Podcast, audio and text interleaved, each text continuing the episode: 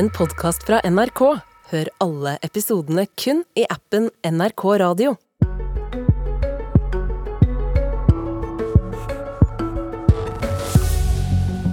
President, Jeg ønsker at vi i denne saken kan samle oss på tvers av partiene. I formiddag møter Støre de parlamentariske lederne på Stortinget. Hvor stor blir Norges Ukraina-pakke? Hvor mye skal vi gi til fattige land i sør? Er det en motsetning, eller er den nå borte? Velkommen til Politisk kvarter, Åsmund Aukrust fra Arbeiderpartiet, første nestleder i utenriks- og forsvarskomiteen. Takk for det. Hva er det vi får vite om støtte til Ukraina senere i dag? Nei, statsministeren vil jo da møte de parlamentariske lederne for å legge frem det som vil være regjeringas utkast til et støtteprogram for Ukraina. Men det vil jo ikke være det endelige resultatet. eh, for dette vil være en litt annen prosess, hvor vi ønsker å diskutere med alle partiene. Sånn at vi på et eller annet tidspunkt eh, kan legge frem noe sammen med så mange partier som mulig. Og For denne regjeringa er det jo et mål å få med så mange partier på det som kommer til å være den største gjenoppbyggingsoppgaven som Europa står overfor etter andre verdenskrig. og Dette vil jo være det største internasjonale programmet Norge har hatt noensinne. Men dere trenger bare SV for å få flertall?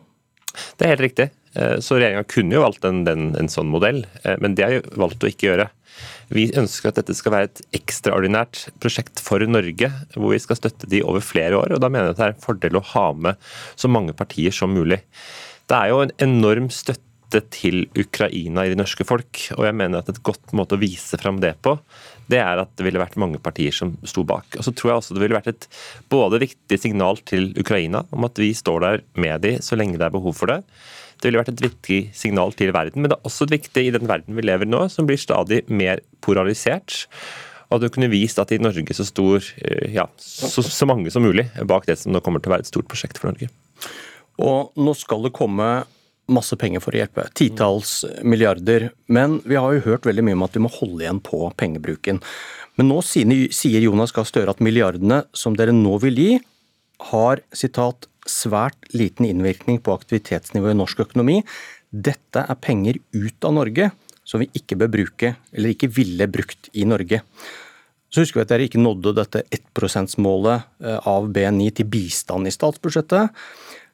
Men hvis penger ut av Norge ikke påvirker norsk økonomi, og hvor stramt budsjettet er, hvorfor holdt dere da tilbake milliarder til bistand i budsjettet? Og begrunnet det med at det ikke var rom?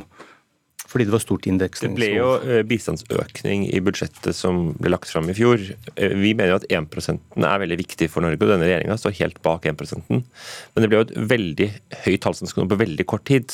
Og forvaltningsmessig så er det også viktig at eh, vi skal vite hva pengene går til. Men, nå, Men ta- ta ta begrunnelsen jo, men vi, mener, vi mener jo nå at 1 kommer til å bli nådd, og det ble jo sagt også før, før statsbudsjettet ble vedtatt, at det var regjeringas mål, at 1 skulle nås. Også fordi vi visste at det skulle komme veldig store penger til gjenoppbygging i Ukraina. Men poenget her er at dette er vel en ny måte å tenke på. fordi Begrunnelsen dere ga for ikke å gi mer, mer til bistand, var at det skulle være et stramt budsjett, og at det hadde for stort inndekningsbehov. Ikke det du sa nå.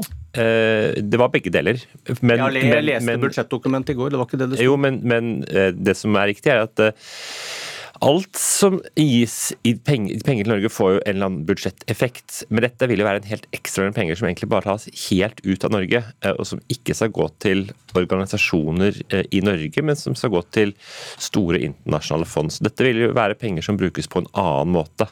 Eh, Men bistandsbudsjettet er vår målsetning at 1 fortsatt skal nås. Og dette er ikke penger som brukes på en helt annen måte. Dette er også penger som er innafor handlingsregelen og vil være ja, budsjettmessig svært forsvarlig. Penger ut av Norge. Hvordan kan dere nå fortsette å si at det er begrensninger på hvor mye dere kan bruke på bistand, hvis, Norge, hvis penger ut av Norge ikke påvirker norsk økonomi? Vi sier jo at det er begrensninger på hvor mye penger vi kan bruke ut av Norge, fordi handlingsregelen alltid skal være overholdt. Så det er ikke sånn at oljefondet bare kan Vi skal beholde penger, de fleste penger sjøl? Eh, Det er Norges penger, eh, og de skal brukes på, eh, på framtidige pensjoner i Norge. Det er en modell som har slått seg veldig godt over lang tid. Men vi skal også nå gjøre et ekstraordinært uttak for den enorme utfordringen som vi ser foregår i Ukraina på om dagen. Kristian Tybring-Gjedde fra Fremskrittspartiet, du sitter også i utenriks- og forsvarskomiteen. Velkommen. Eh, Er det større rom for å bruke penger utenlands nå, etter det Støre sa på torsdag? Ja, åpenbart så er det jo det, for eh, logikken er jo nå totalt eh, endret. Eh, nå har jo Fremskrittspartiet gjennom år sagt akkurat det samme, nemlig penger ut av Norge skaper ikke presseøkonomien, inflasjon og høyere renter. Og Det har vi blitt tilbakevist hele tiden av, av Støre og andre. Men det finnes ikke noen økonomisk forklaring på hvorfor de ikke skulle sende penger ut av Norge eller investere ut av Norge. Om det enten gjelder sykeutstyr, eller om det gjelder eh, biler, eller om det gjelder eh, brannbiler, eller noe sånt. Det skaper ingen press i norsk økonomi. Og det var akkurat det Støre sa i sin redegjørelse. Men nå er det litt på siden av det vi diskuterer nå. Men det er også greit å få med seg de økonomiske fakta og hvordan Støre har tenkt tidligere. Fremtiden får vise. Det var et interessant poeng, i hvert fall. Regjeringen vil også gi ekstra penger til land i sør som er rammet av krigen. Hvorfor er du skeptisk til begrunnelsen for dette? Jo, fordi at dette her er jo å vide ut denne pakken. Denne pakken skal gå til Ukraina, det er det som er hele poenget. Og Hvis man begynner å se hvordan det rammer hele verden rammes av dette, så er det helt ubegrenset hva du kan bruke av penger.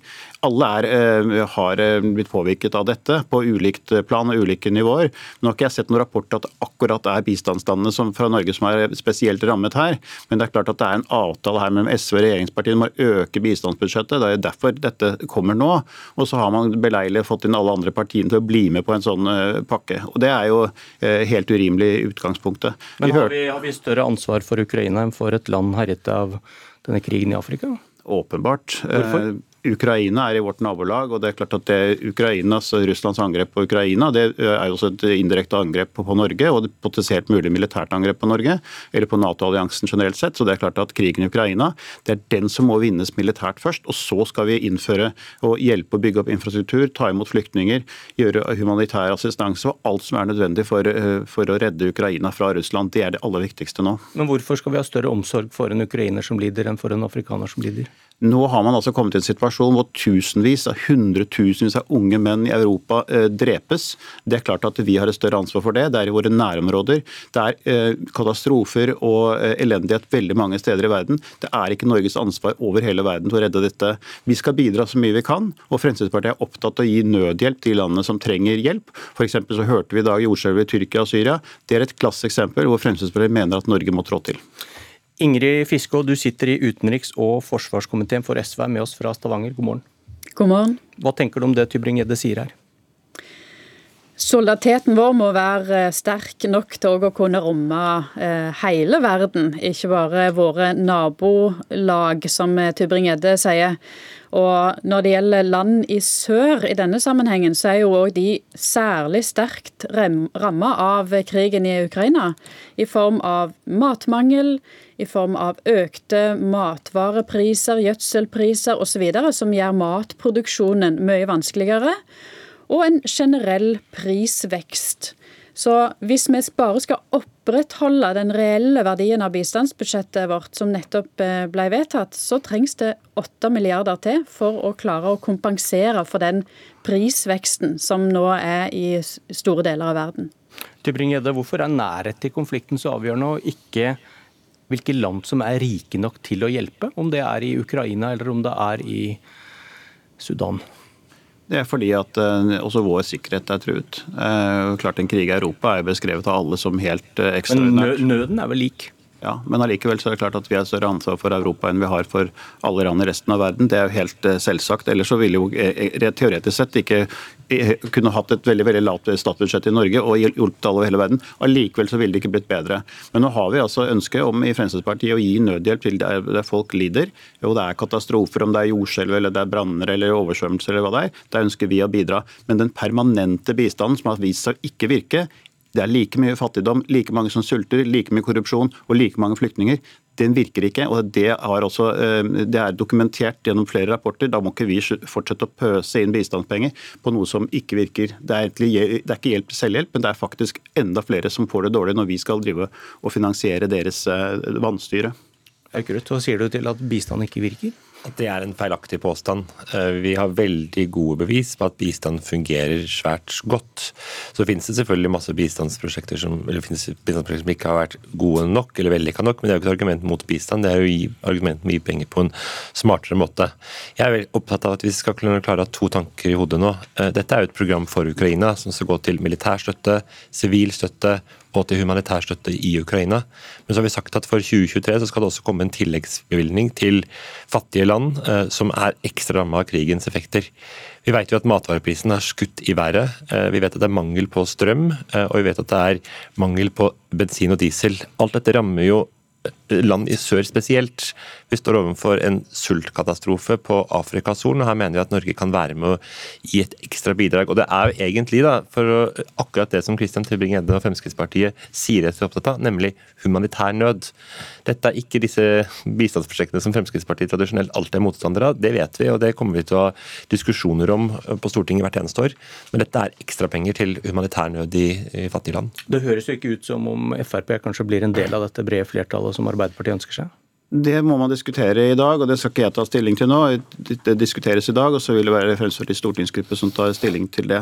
Eh, men jeg har også lyst til å poengtere at de landene som antagelig ønsker å hjelpe i Afrika, og de som er fattige landene, de har ikke engang gått mot Putins krig. De har ikke engang stemt i FN mot Putins krig, fordi at ifølge statsrådet Tvinnereim, altså bistandsministeren, har de sånn nære bånd til Russland, også økonomiske bånd, som er naturlig å fortsette med. Allikevel skal vi da gi penger til disse, som ikke engang tar avstand fra Putins krig. Det har vi dokumentert, og det vet du også, Krust. Fisko, hva, hva, sier du til det? Frp har jo foreslått da å fryse bistandsmidler til de som ikke tar avstand fra Russland. Tybring-Gjedde det blander sammen en, en, masse forskjellige ting her. Eh, det ene er jo at eh, Frp generelt er mot å gi bistand til fattige land. Og det er jo etter mitt syn en veldig kortsiktig tankegang. fordi at får du mer uro, mer fattigdom og elendighet i fattige land i sør, så vil jo det òg påvirke vår sikkerhet og vår eh, velferd. Og eh, Frp, som er særlig opptatt av å unngå flyktningstrømmer til Norge, bør jo være opptatt av å bidra til å gi levelige vilkår for eh, folk i land i sør. Men det siste poenget om at eh, noen av disse landene ikke har stemt eh, sånn som vi skulle ønske, og eh, knytta til resolusjoner som fordømmer Eh, krigen eh, mot Ukraina, Russlands eh, brutale overfall der, det er jo et nytt argument. Og der vil jeg si at igjen så, så tar Frp feil. Det er kortsiktig og dumt å nå prøve å straffe befolkningene i fattige land for det regjeringene har enten stemt eller latt være å stemme.